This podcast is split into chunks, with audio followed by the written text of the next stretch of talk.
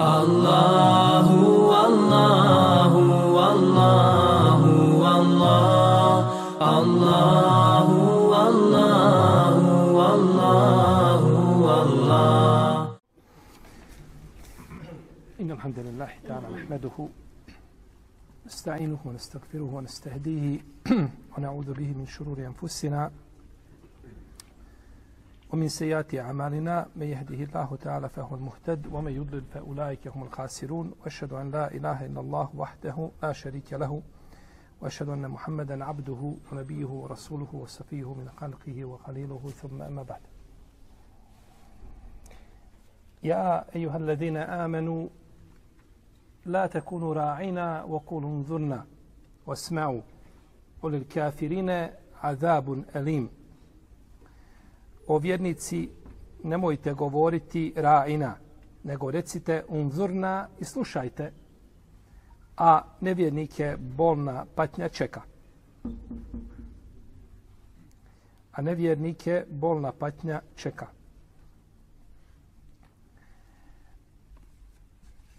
U ovom ajetu, nakon što smo završili govor o sihru, uzvišeni Allah za ođele spominje drugu jednu nedaću u koju su upali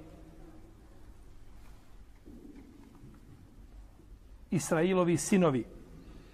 A ona je veća od ove prve. Prva nedaća je bila sihr.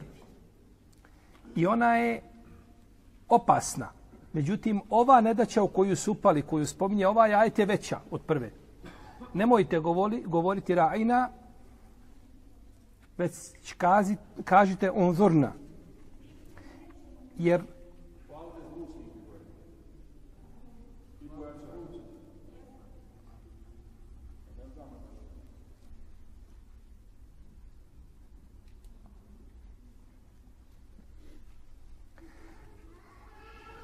U ovom načinu izražavanja je u stvari vid nekulture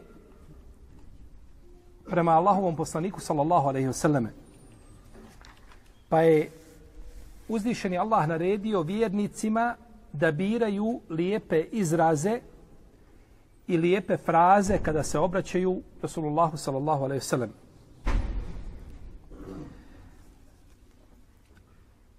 Muslimani su govorili poslaniku sallallahu alaihi wasallam ra'ina, pogledaj nas, okreni se k nama, pripazi nas, vodi brigu o nama. Govorili su to lijepim nijetom i namjerom. A te su iste riječi govorili ljudi koji su živjeli to vrijeme od ostataka Benu Israila koji su bili, govorili su te iste riječi. Međutim, oni nisu ciljali to značenje. Oni nisu ciljali to značenje. Budući da je riječ rajna na hebrejskom vrijeđanje. Vrijeđanje. Pa su tako vrijeđali poslanika Muhameda sallallahu sallam. Pa su to muslimani govorili lijepim nijetom, želeći time jedno značenje, a oni su govorili istu riječ, želeći njome drugo značenje. Pa su onda kazali, nekada smo davno vrijeđali Muhameda tajno, a sada ga vrijeđamo javno. I on to ne konta.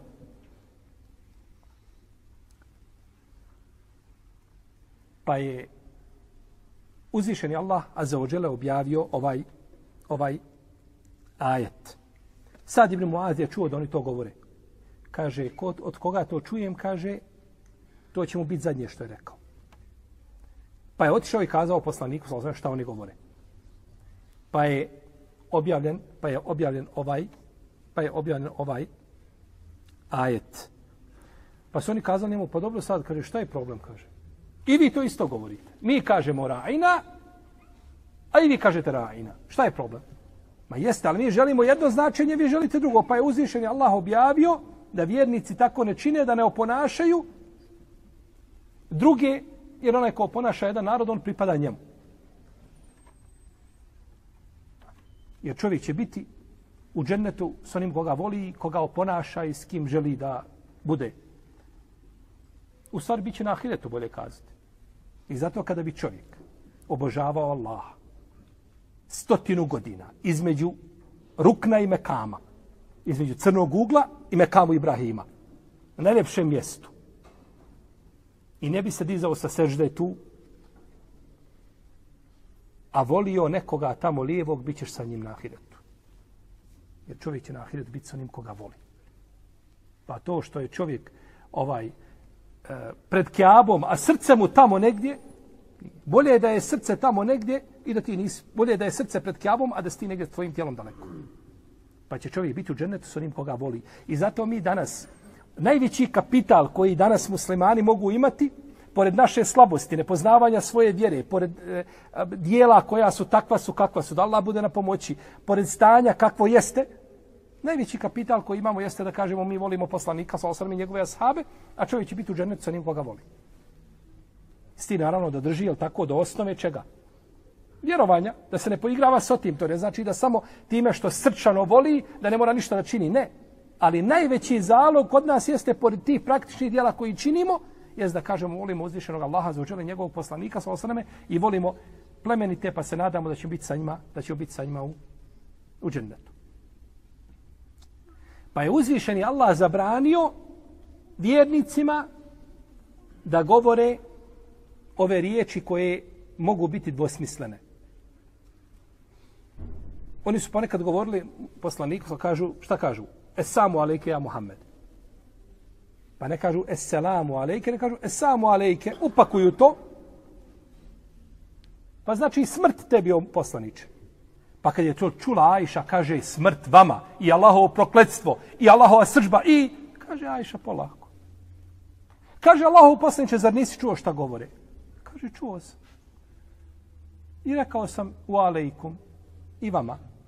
A kaže Allah prihvata moju dovu protiv njih, a ne prihvata njihovu protiv mene.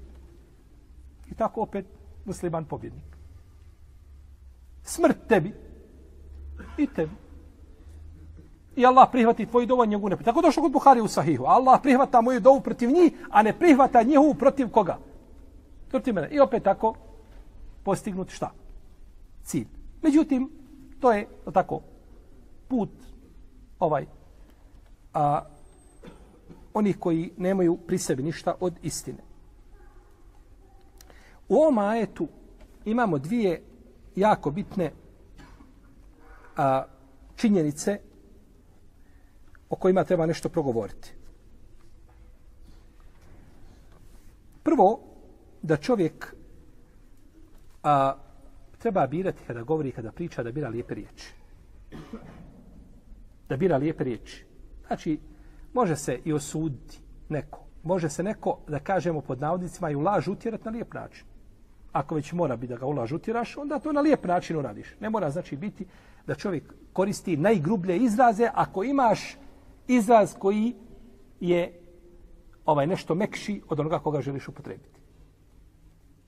Pa treba čovjek znači da uvijek pazi kako će se a, obraćati ljudima, da ne vrijeđa, da ne omalovažava ljude i da ne pocijenjuje. Islamski učenjaci neki iz ovog ajeta izvode zaključak, kažu kada čovjek, kad bi nekoga indirektno potvorio za nemoral, indirektno nekoga potvori za nemoral, nešto što je u značenju, moglo bi se razumijeti i shvatiti iz toga, kažu Malikije treba, zaslužuje kaznu i sankciju. Na primjer, priča se o jednoj ženi. I jedan od prisutnih kaže, što se tiče nje, ta ne odbija nikoga. Te riječi ta ne odbija nikoga su elastične. Mogu se tumašiti na različite načine. A mogu se protefsirati na najgori način. Ili da se priča se o ženi, ne znam, o e, nepokornosti, o nemorali, kaže se, a što se tiče te i te, ona je jako nagodna. Šta znači nagodna? Šta si ciljao? Šta si mislio? Kažu Malikije, ne, ne kazna. Hanefije i Hanbelije kažu neće biti, jer to je dvosmislan izraz koji nosi jedno i drugo značenje i kažu neće biti kažen zbog toga. Međutim, ovaj, nema sumnje da je takav znači način izražavanja, jeli, zabranjen i o tome ćemo posebno govoriti u suri En-Nur. Ako nas Allah poživi, budemo o tome govoriti. Ako dođemo do toga, govorit ćemo o ovom pitanju, znači kada se neko indirektno, kada se neko direktno potvori, jasno je. Ja ćeš doći sa svjedocima, ja kazna. Bić preko leđa. Međutim, kada to indirektno uradi, doćemo u suri Nur ponovo, inša Allah, do tog, do tog pitanja. I drugo, o čemu ćemo malo više danas govoriti vezano za ovaj ajet, jeste da u ome ajetu imamo preventivne zabrane. Imamo preventivno pravničko sankcionisanje. Da čovjek ne bi upao u grije. Što se zove sedu zeraja. Kod učenjaka usul fikha, to se zove sedu dharaja. To je to preventivno pravničko sankcionisanje koje ima za cilj da spriječi čovjeka da ne upadne u zabranjeno. Šta je to pravno sankcionisanje, ovo preventivno? Jeste, ima postupak koji u osnovi mubah dozvoljen. Ali bude zabranjen ili ga zabranimo zbog toga što postoji mogućnost velika da čovjek upadne u zabranjeno. Iako je u osnovi to šta? Dozvoljen, dozvoljen postupak. I o tome imamo brojne dokaze. A, iz Kur'ana od dokaza jeste ovaj ajet. Ovaj ajet. Da ne čine vjernici ono što bi se moglo razumjeti loš, na loš način da je to šta? Zabranjeno. Imamo i ajet u kome uzvišeni Allah kaže وَلَا تَسُبُّ الَّذِينَ يَدْعُونَ مِنْ دُونِ اللَّهِ فَيَسُبُّ اللَّهِ عَدْوًا بِغَيْرِ عِلْمِ I nemojte vrijeđati one koji oni obožavaju mimo Allaha, pa da oni vrijeđuju Allaha iz nezdanja svoga. Znači, ima čovjek obožava tele. Obožava kipa, kamen ili miša. I ti ne smiješ taj njegov kamen uvrijediti. Nego ako pričaš, kaže, to ne zaslužuje da bude obožavano zbog toga, toga, to. Znači, nećeš govoriti ovaj nešto ružno, pa da on tebi uzvrati, znači, a zaslužuje li taj kamen da se kaže o njemu nešto ružno? Zaslužuje ili ne zaslužuje? Zaslužuje definitivno. Ne kamen kao kamen, nego to božanstvo koga su oni učinili božanstvom, taj kamen, zaslužuje se o njemu kaže ružno. Međutim, ti ako kažeš ružno, uzrokovat ćeš time da neko Allahu govori ružno, pa je to tebi šta? Zabranjeno. Pa je to tebi zabranjeno. وَسْأَلُوا مَنِ الْقَرِيَةِ الَّتِ كَانَتْ حَاضِرَةَ الْبَحْرِ I pita ih o gradu koji se nalazio pored mora kad su im ribe dolazile. Dođu im ribe subotom, pa i oni zagrade. Pa i nedjeljom love.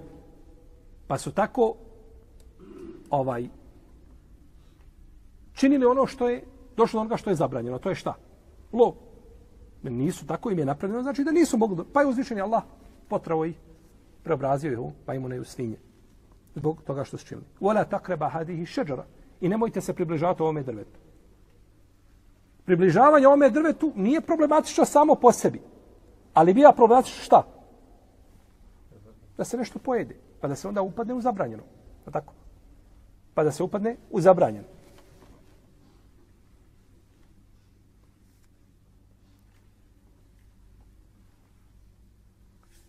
I drugi argumenti koji se navode u vezi s tim, kao što je hadis Aisha radijallahu ta'ala anha u kome kaže da su ona i umu Habibe i umu Seleme vidjele jednu crkvu u Abesiniji, a u njoj su bile iscrtane slike.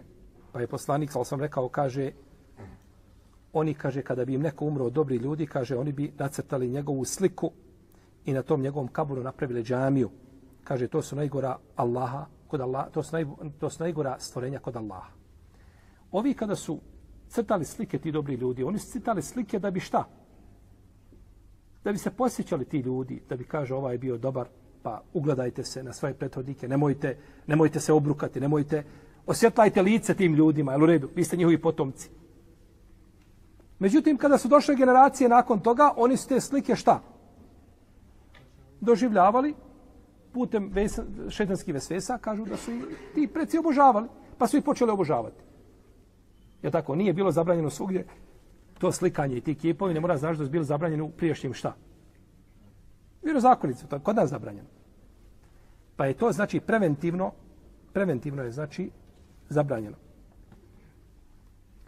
I ovdje autor spominje, kaže, povećala se Allahova sržba na ljude koji su uzeli kaborove svojih poslanika i dobri ljudi kao džamije. Svojih poslanika i dobri ljudi. Kao, ovo dobri ljudi nema u hadis kod Malika. Hadis je došao bez spominjanja dobrih ljudi. Samo svojih poslanika, znači za, za džamije. Ako ne može biti na kaboru poslanika džamija, onda ne može biti na kaboru šta? Dobrog čovjeka. I to je preče, jel tako? Da, da ne bude. Imamo hadis Nuomana ibn Bešira, u kome je poslanik sallallahu kaže halal je jasan i haram je jasan. A između toga su nejasne stvari. Ko upadne u to upao je u haram kao čovjek koji čuva znači stado oko zabranjenog posjeda, pa postoji uvijek mogućnost da upadne. Pa je ovdje preventivno upao si nešto što je sumnjivo, možeš lahko putem toga da upadneš u šta? U haram. Pa je preventivno, znači to, pa je to preventivno zabranjeno. I došlo je u hadisu, koga bilježi imam Ibn Mađi. I termizi sa dobrim lancem prenosilaca da je poslanik svala rekao, neće, kaže čovjek, dostići stepen da bude od bogobojazni, sve dok ne ostavi ono što je dozvoljeno, bojeći se da ne upadne ono što je zabranjeno. Sve dok ne ostavi ono što je dozvoljeno, bojeći se da ne upadne ono što, ono što je zabranjeno. Znači, sve što znaš da je dozvoljeno, šta? Ostavi. Je tako? Nije. Ovdje se kaže, u hadise jasno kaže, dok čovjek ne ostavi ono što je dozvoljeno, bojeći se da ga to dozvoljeno ne uvede gdje? U haram. To je cilj. Jer jednom čovjeku ima dozvoljena stvar i on on to čini, ali boji se. Kaže, ovo neće izaći na dobro. Ovo jeste halal, ali ovo neće ovako izaći na dobro. A drugi to čini i kaže, ne, ja, ne, nema su ti nikakvih problema. Ne bojim se da će to mene odvesti u haram. Pa jedno može biti dozvoljeno, drugom šta? Jer je to put ka čemu? Ka zabranjeno. Pa da ne bi neko shvatio sve što je mubah, ostavi. Mubah je piti čaj, da ne bi sutradan pio pivo, ostavit ću čaj. Kakve veze ima čaj sa pivom? Znači, ono što čovjek zna da ga može odvesti u haram, znači tu treba povući crtu i da, da ostavi tu taj halal. A nikako znači da sve ostavlja što mu uzvišen Allah dozvolio, to je samo opterećavanje samog sebe i to nije, to, to nije od din islama.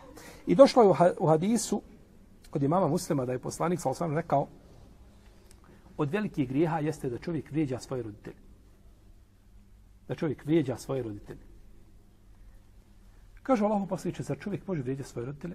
Kaže, vrijeđa oca drugog čovjeka, pa on vrijeđa njegovog oca. Pa ovaj uvredi, pa uvredi njegovu majku, ovaj uvredi njegovu majku.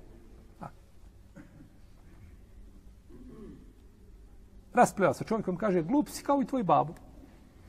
I ovaj mu odgovori onda, babo ti je glup, je majka ti je ovakav si. Pa je sam sebi uvredio koga? Roditelja. I to je od velikih, i to je od velikih grija. To je od velikih grija.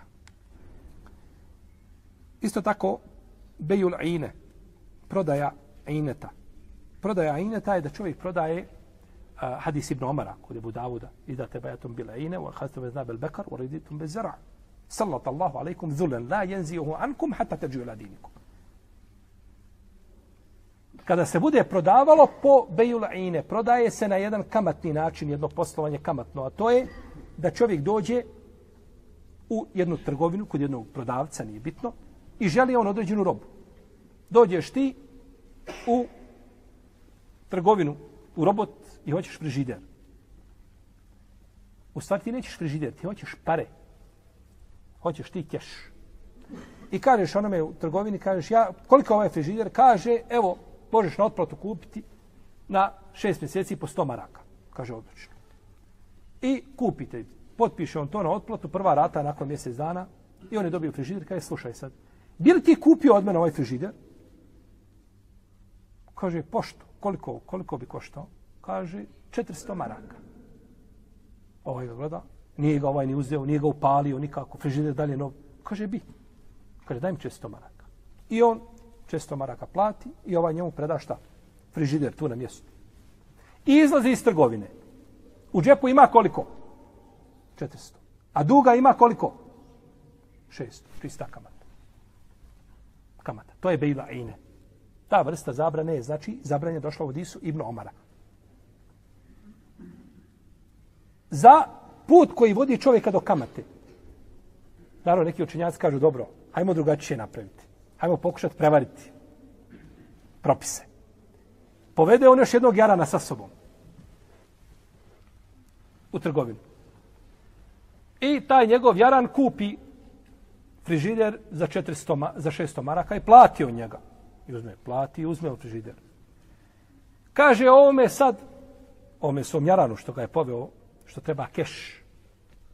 Kaže, dobro, hoćeš kupiti od mene frižider na rate? Pa mi je lijepo ponud za tebe. Kaže, hoću. Koliko? Kaže, na osam rata po 100 maraka. Odlično, kaže, fino. I kupi od njega na osam rata po 100 maraka. Potom ga ponudi prodavcu ovome prvom vlasnik. Kaže, bili kupio frižider, imam no, nije upaljen. Isti ovaj što se ga prodao. Po, za koliko kaže? Za 400 maraka. Keša mi da i to je to. I ovaj mu plati 400 maraka. I ovaj opet izlazi iz trgovine. Ima u džepu koliko? 400, ima duga koliko? 800. Nije bitno te cifre manje više. Uglavnom, ima dug jedan, a u džepu ima nešto drugo. I odma razlika. E, kod ovoga drugog slučaja u nema se razilazi, je li to, jedni su neki su to dozvolili, neki su zabranili, ispravno je da to sve ulazi u značenje bejudajine. Jer je to sve put ka kamati. Da ima čovjek jednu vrijednost, a u stvari plaća šta? Plaća drugu vrijednost. I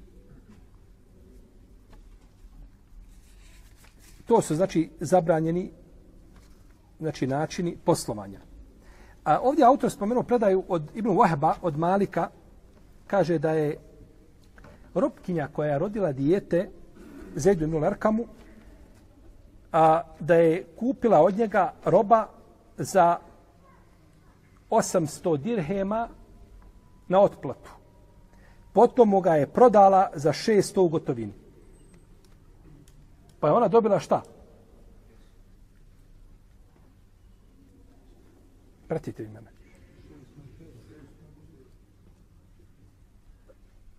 Ona je dobila šest. A dužna je koliko?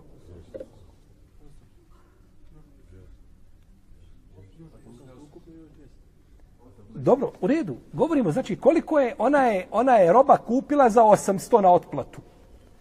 I prodala njemu za 600. Koliko mu mora vratiti? 800. Znam šta je ovaj, danas je da je bilo vruće. Ona je dobila šest od njega, ali je dug ostao. Da tako? Znači, ostaje, znači, dug koji mora vratiti. Da tako? Pa je, pa je prodala po jednoj cijeni, a ima otplatu drugoj cijeni. Kad je to rekla Ajš, kaže Ajša, kaže, ružno si postupila, kaže, reci, kaže, Zejdu, kaže, da mu je, kaže, džihad sa Allahom poslanikom propao, ok se pokaj. Kaže, to je zabranjena vrsta, to je zabranjena vrsta prodaje. Međutim, ovaj rivajet, u njemu ima, e, u njegovom lancu prenosilaca ima umu mehabbe i ima el alije, a jedna i druga su nepouzdane imaju anonimne lanci, imaju anonimnu biografiju. Tako da je hadis rivajet je daif, bilježi ga dare kutni u svome sunanu. Tako da ovaj rivajet, koga spomenuo autor, ne može sa njim dokazivati. Jeli? Međutim, govorili smo da knjige tefsira i fika, jel tako, ne vode e, posebno u toj mjeri računa o rivajetima kao što vode ko. Jel tako, hadiske, zbirke, ali ne opet, ne opet sve.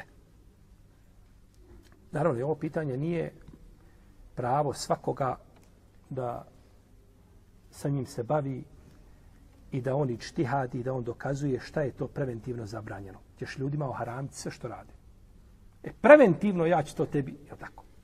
Preventivno ćemo ti to šta? Ne može tako preventivno. Nego tu znači mora postojati, pokazatelji moraju postojati da bi nešto moglo da bude šta?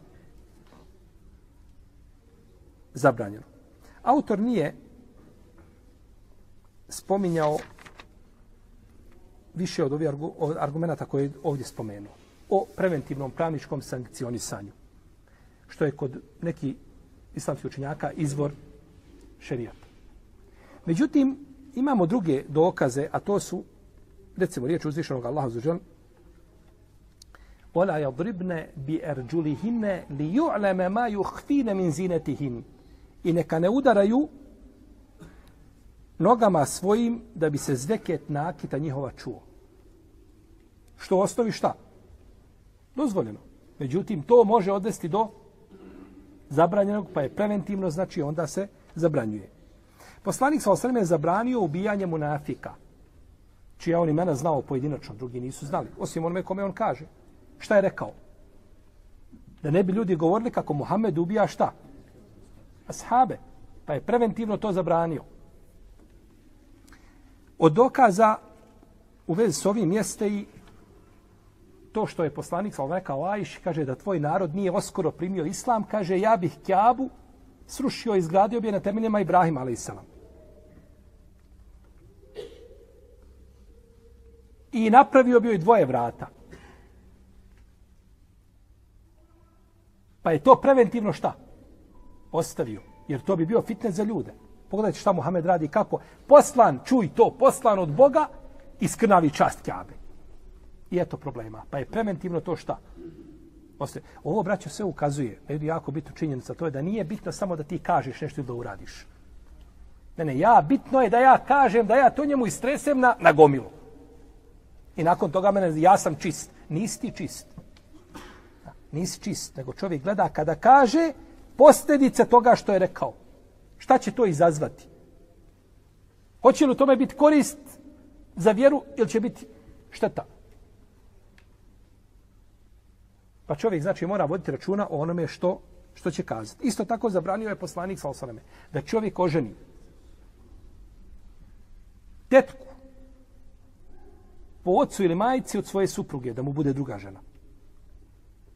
Kaže innekum in fa'altum kafatum arhamekum. Kaže, ako budete tako postupali, kaže, vi ćete kidat rodbinske veze. Tako je došlo od iskod imama, a, a, kod imama Tirmizije i kod Ebu Davuda, koji ima više različitih puteva i mogu bi se pojačiti. Ako tako budete činiti, vi ćete šta? Kidat rodbinske veze. Pa je preventivno zabranio šta? Da se to čini. I da taj vam je kalup isto tako u enteđima u bejnel uhtejni ila makat selef i da spojite dvije, znači sestre.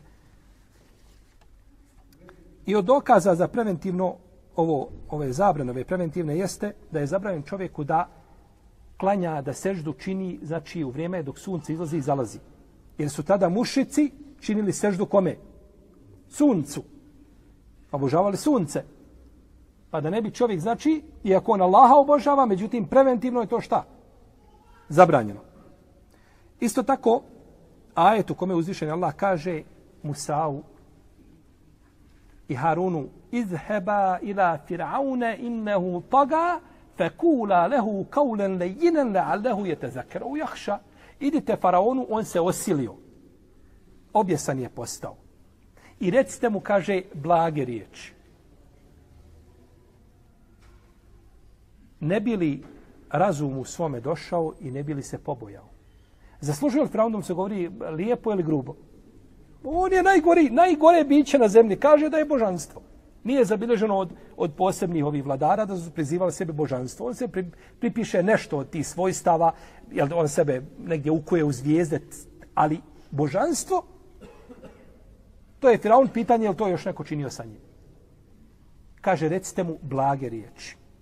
Jer ako mu kažeš grube riječi, neće prihvatiti. Neće on prihvatiti ni blage. Međutim, ti si uradio ono što je do tebe. Pa pogledajte kako, kako din islam nije baš samo tako. Ovo je put i ti samo udri. Pa gdje završiš? Ne, ne, ne, ne. Nije to tako. Nije crno-bijelo sve. I u vezi s ovim postoje brojni dokazi. Šehhul Islam Ibn Kajim je govorio u svome dijelu Jelamun Muakajain ovo dijelo ima ovako u sedam dijelova je štampan. Za ovo dijelo je rekao Ibn Baz, šeh, šeh, šehul Islam našeg vremena, Ibn Baz je rekao da je ovo knjiga Islama. On je govorio u početku, od, u petom tomu, od početka petog toma do 65. strane govorio o ovom pitanju. O preventivnom pravničkom sankcionisanju i spomenuo je 99 dokaza. 99 dokaza. I to može samo i Brukajim to da bi čovjek spomenuo zaista mora, znači imati pred sobom hadijske zbirke kao što mi imamo, ne znamo, nekakav tekst koji čitamo svakodnevno. Kad je završio sa spominjanjem 99 dokaza, kaže ovako. ولنقتصر على هذا العدد من الأمثلة الموافق لأسماء الله الحسنى التي من أحصاها دخل الجنة تفاؤلا بأنه من أحصى هذه الوجوه وعلم أنها من الدين وعمل بها دخل الجنة إذ قد يكون قد اجتمع له معرفة أسماء الرب تعالى ومعرفة أحكامه Walillahi wa rali dalike esma'un wa ahkam. Kaže, i zadovoljit ćemo se ovim brojem, kaže, koji odgovara broju Allahovi lijepi imena. 99 imena, 99 čega? Dokaza koje je naveo. Kaže, a, 99 imena, ko pobroji ta imena, kaže, uće u džennet, kaže, shodno tome, optimistično, kaže, posmatrano, da čovjek koji zna da su da je ovo od vjere i od dina i bude radio s ovim dokazima, kaže da bi mogao ući u džennet, jer se, kaže, pri njemu spojilo poznavanje Allahovi lijepi imena i poznavanje Allahovih propisa, a kaže Allah ima mimo ovih imena, ima imena i mimo ovih propisa ima propise. Radi Allahu ta'ala anhu wa rahimahu. 99 dokaza je spomenuo, znači, ovaj vezano za ovo pitanje o kome smo, o kome smo govorili, to podrobno znači pojasnio. A eto, mi smo samo malo to ovako dotakli, je tako, da znamo o čemu se, o čemu se radi.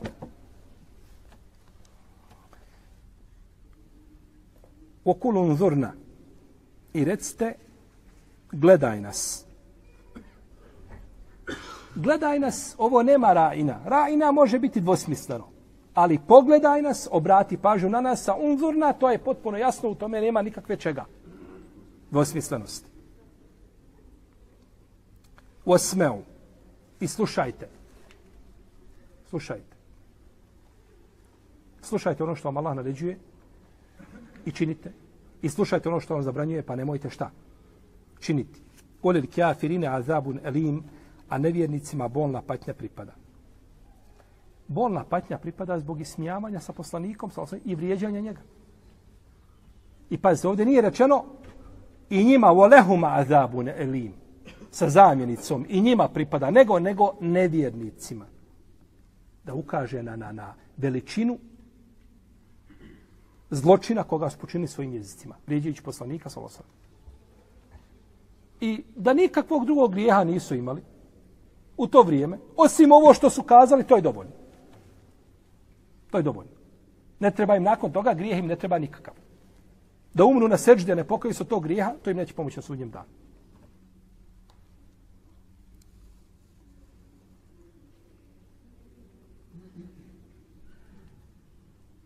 Pa su tako znači prekoračili granicu i uradili ono što je što je zabranjeno.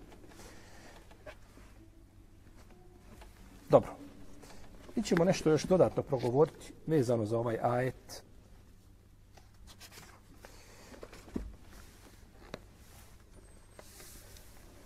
A to je da je hak i istina da je uvijek jasan, jasna istina je uvijek jasna.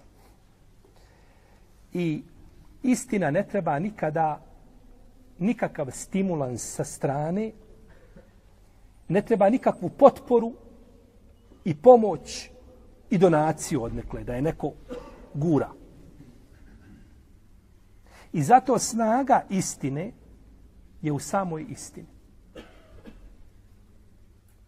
A snaga batila na istine je gdje? U njegovim nosiocima.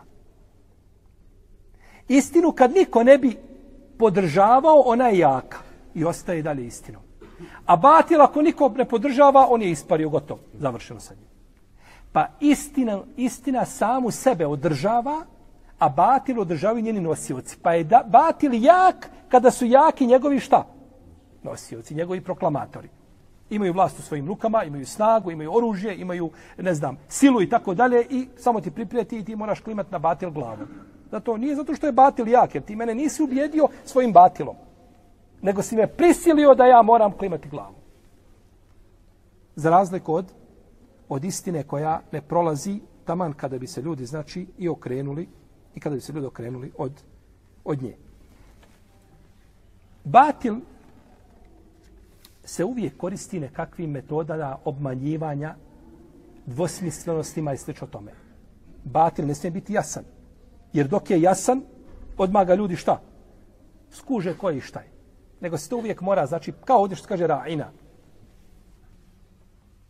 Mora uvijek biti nekakvo obmanjivanje. Ne smije biti, znači, jasno da se kaže šta je i kako je. Pa je to, znači, to su, to su odlike, to su odlike neistine. Ovdje uzvišen Allah kaže, ja i uheledine amenu. La tekulu ra'ina. Nemojte govoriti ra'ina. Pazite. Nije uzvišeni Allah ovdje osudio Benu Israil odmah rekao što to radite. Nego Allah odgaja vjernike. Pa kaže, recite šta? Unzurna. Ovi vamo su nebi. To što govore, to je, to je nebi. To je negdje na margini tamo. To će onako nestati. To je batil. Nego Allah se obraća mu'minima. Pa ih odgaja. Nemojte tako govoriti, nego govorite ovako. Ako ga odgoji Kur'an i Kerim, to je odgoj. Nema boljeg odgoja. Abdullah ibn Mesaud kaže, od njega je to zabilježio, a, imam Ibn Abi Hatim u svome tefsiru, i to je zabilježio isto tako, Ibn Adi u dijelu Kamil da je govorio, kada uzvišeni Allah kaže, Ja, ejuha, ladine amanu, kaže, znajte, ili je to naredba kojom nešto naređuje, pa poslušajte i pokorite se, ili je zabrana gdje uzvišeni Allah nešto zabranjuje. To Ibn Mesud zna zato što je stalno bio u kontaktu. Ibn Mesud je od eksperata za Allahovu knjigu. On, Ibn Abbas, nema njima slični. Ibn Mesud je govorio da znam, kaže nekoga da je učenio u Allahovi knjizi, kaže da mu se može prići, kaže ja bosadla u jahalici otišao. Ali nema, ne postoji na zemlji da kroči zemaljskom kugom neko ko bolje poznaje Allahovu knjigu od mene. Pa kaže, slušaj, ja ti je naredba, ja ti je zabrana. To je od riječi lijepi izraza Ibn Mesauda i njegovih lijepih izjava, izreka. Ja sam nešto od ovih izreka od Ibn Mesauda a, stavio ih ovdje na listić jedan. Ovaj, istrpite da ih kratko pročitamo. Bitne su. Od njegovih lijepih izjava koje, koje je kazao u svome životu i došle su u, u zbirkama spomenute razno raznim, nećemo spominjati znači gdje su zabilježene zbog vremena ni da vas opterećujemo, nego samo njegove izjave da vidite kako Ibn Mesud govorio, imate osjećaj da priča da je to da je to iz, iz svjetiljke poslanstva. Kaže Ibn Mesud, kaže čovjek neće hodati osim s nekim koga voli i ko je kao on. Dok vidite dvojice da hodaju, pričaju oni lijepo, sve potama, znajte da su isti. Ideja je jedna. To je među njima je u par deka. Tu su oni negdje. Ne može biti dvije različite ideje da tek tako stalno su zajedno, a potpuno različite. Toga nema ništa. Nego čovjek sebi draži druga kao što je on. U drugoj izjavi kaže Abdullah ibn Sud, kada bi čovjek ušao u džamiju, kaže ima u džamiji, vjernik uđe u džamiju, kaže u džamiji ima stotinu munafika i jedan mu'min. Kaže, on bi prišao, kaže, si oko mu'mina.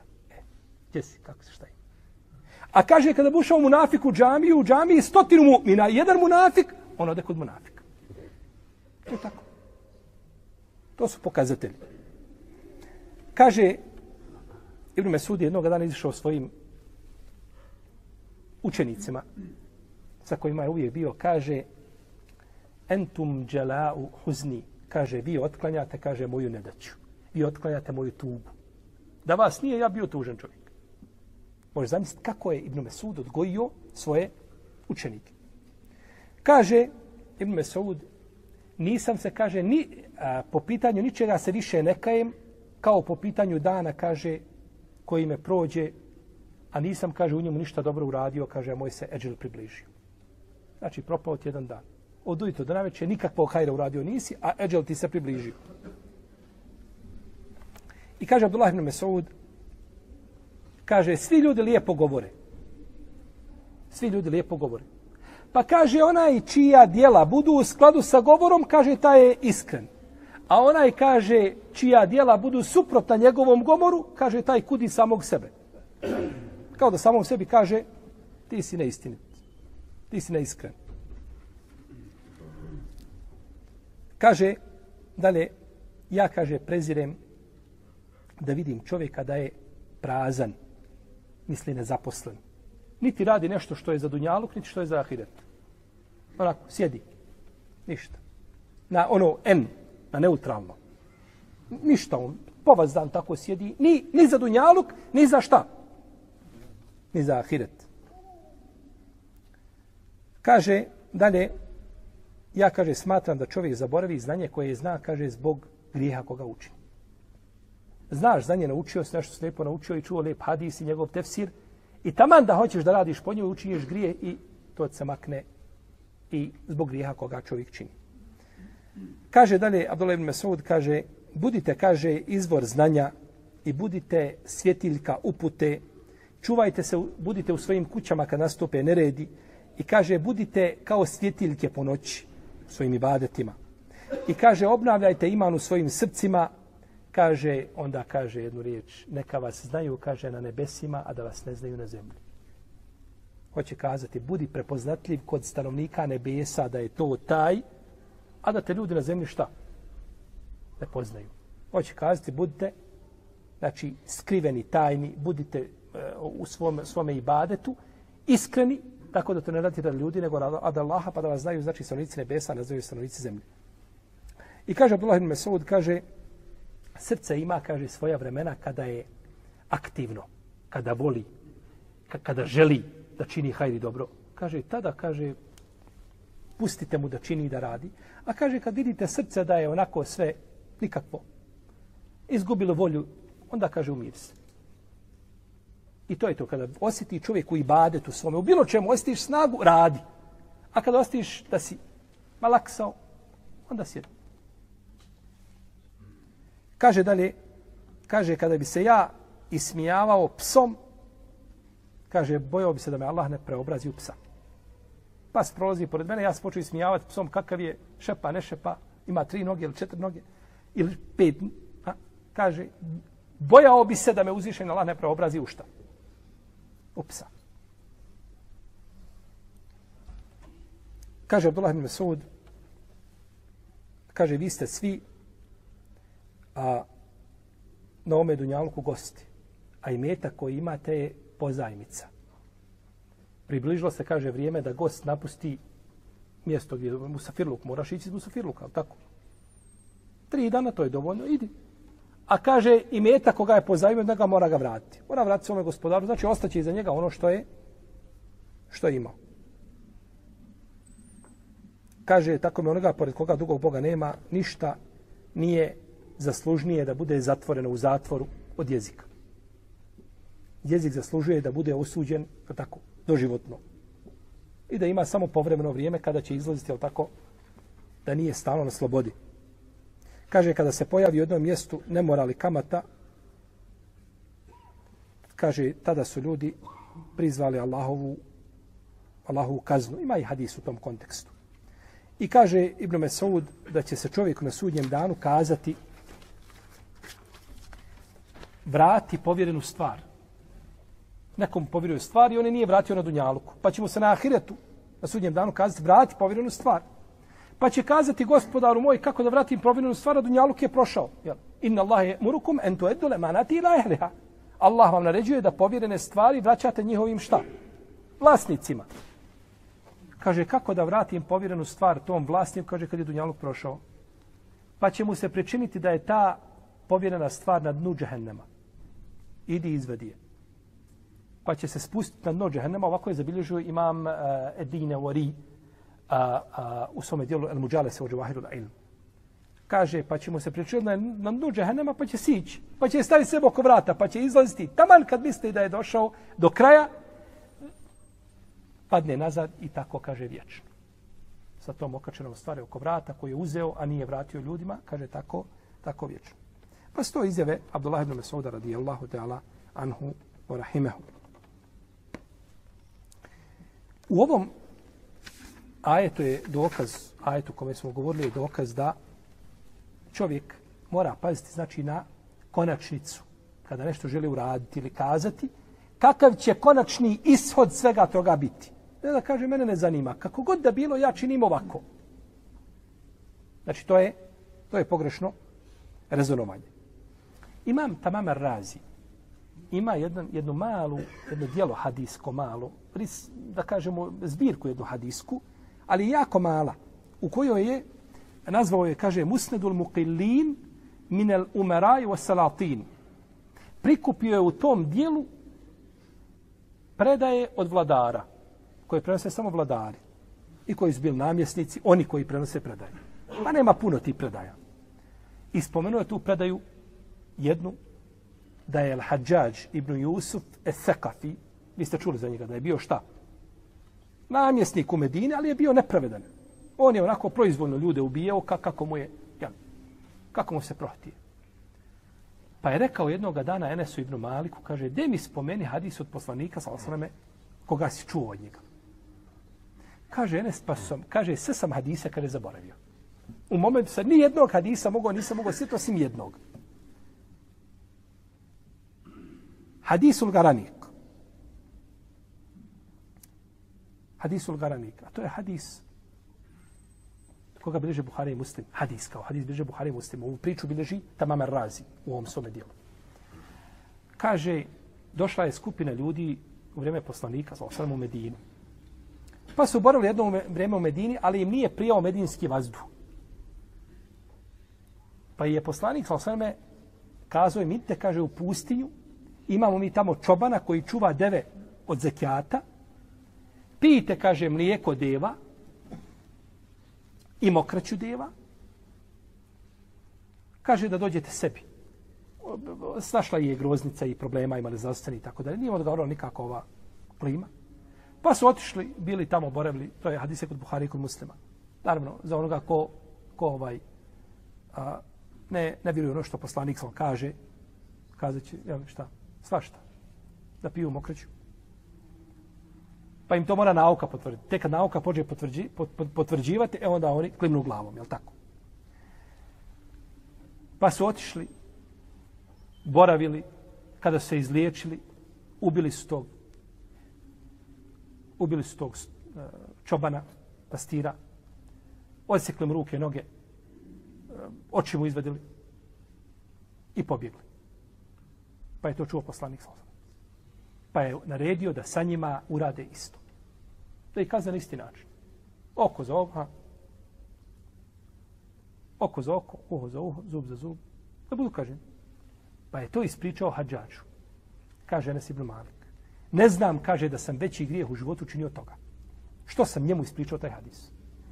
Hadžaž ne treba hadisa stimulans, njemu nikakav ne treba da on ljude ganja. Njemu trebaju hadisi o pravednom vladaru, o tome da ćeš biti vezan na sudnjem danu ako budeš odgovoran za dvojicu, pa ne budeš prema njima pravedan za deseterci, da će ti ruki biti vezane i ne može odvezati nego pravda. Njemu treba o pravdi. On je onako sam po sebi zločinac, je tako? Kaže, pa ne znam da sam uradio veći, kaže, grije od toga što sam njemu ispričao, što sam njemu ispričao taj hadis.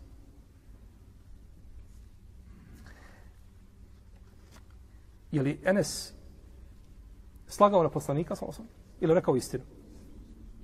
Ma nije to za njega. To hađađov razum ne može dokučiti. On će to zloupotrebiti.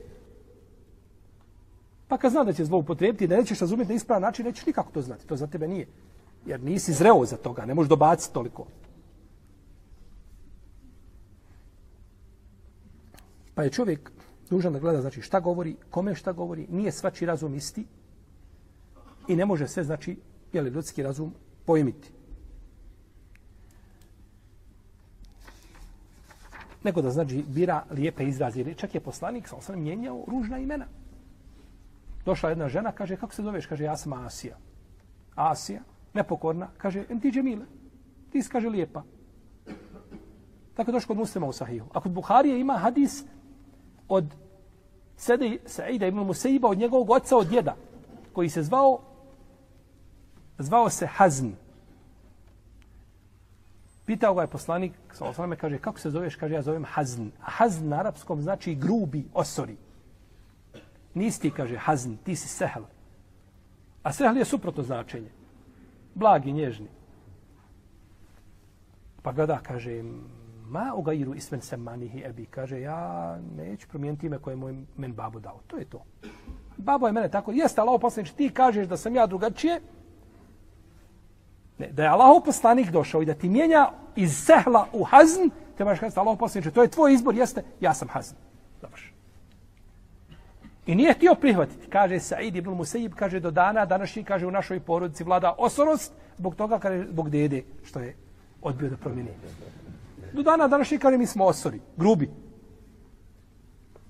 Jer tu je došla, tu je došao, znači, lijek i ti odbiješ lijek od najboljeg, je tako, liječnika koji je bio na zemlji, koji je liječio ljudska srca, ako tako možemo kazati, to je Rasulullah, sallallahu alaihi wa alaihi wa sallam. A, imam da rekutnije zabilježio u svome dijelu el mu, telefu al muhtelef. Da je došao jedan čovjek Omeru, pa ga Omer htio postaviti za, da bude za Bejtul malo odgovora. Kaže, kako ti ime? Kaže, Keniz. A Keniz je onaj koji gomila pare. Keniz je onaj koji gomila. Kenz je riznica. A kaže, kako ti ime babi? Kaže, Habi. Habi je onaj koji krije, prikriva. Kaže, vallaj, kaže, sin gomila, a babo prikriva. Kaže, nećeš, kaže, biti odgovoran za Bejtul Mal. Zbog imena. Zbog imena. Ali kažu ponekad čovjek ima u svome imenu da ima udjela. Da ime ima udjela u kome? U čovjeku. Značenje imena, da i zato je naređeno nama da dajemo šta djece lijepa. Šta? Imena lijepog, znači lijepog značenja. Kada je rečeno El Abbasu, kaže, jesi li ti stariji ili je stariji poslanik sa osrame? Amidži poslanika, kažu, jesi li ti stariji ili on stariji? Kaže, ja imam više godina, on je stariji. Pazite, to je, to je, braćo, to je, to je kulminacija u edebu. Ja imam više godina, kako će ja biti stariji od poslanika sa Ne znam koliko da, jer stariji uvijek znači da je neko i vredniji, i veći, jel, ovaj, pametniji, tako da ne, ne kaže. On, ja imam, kaže, više godina, a on je, a on je stariji. Ibn Abi Šejbe je zabilježio od Ebu Vajla, Šakika ibn Seleme, da je upitan jesi li ti, kaže, stariji ili je stariji Rabija ibn Husayn. Rabija ibn Husayn je tabin za koga je Ibn Mesud rekao, kaže da te je vidio poslanik, sal zavolio bi te, kaže. Da si imao tu priliku da te vidi, kaže, Allaho bi te poslanik zavolio. To je bio njegov učenik. Kaže, re, rešeno je, kome? Ebu Vajlu, Šakeku ibn Selemi. Jesi li ti stari ili stari ko? Rabija ibn Husayn. Pa kaže, ja sam, kaže, starije, on je pametniji. Opet, tu je neko znači oči kada stariji se ima više godina, ali to je samo, ako je to mjerilo, da, ja sam stariji, on je pametniji. Pa je čovjek obraćao dužnost da vodi računa kako će se izražavati, kako će govoriti, jer ima nešto zove tevrija, a to je dvosmislenost u ovome izražavanju. I ta teorija, njen propis je bitno pojasniti. Dvosmislenost u izražavanju. Često se ljudi izražavaju pa kaže jeste ja sam rekao tako, tako, ali nisam mislio to, ja sam mislio to. Pa ti se izražavaš dvosmisleno i uvijek sebe otvoriš mala, ostaviš mala vrata, šta? Otvorena. I uvijek možeš kliznuti. To nije svojstvo vjernika. Svojstvo je da se izražava jasno, rekao sam to i to i kažeš na kraju pogriješio sam. A hoćeš biti ne pogriješio? Pogriješio sam. Ali ta, ta dvosmisleno znači nije dobra. Pa kad je dužnost nešto pojasniti, onda je dvosmislenost haram. Kada je dužnost nešto pojasniti, pojasniti ta tebrija ili dvosmislenost je haram. A kad je nešto haram pojasniti, onda je dvosmislenost šta?